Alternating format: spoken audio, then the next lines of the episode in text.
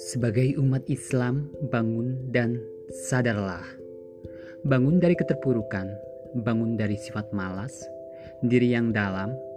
Ini dilambangkan dengan tanaman yang mulai bersemi dan menghijau.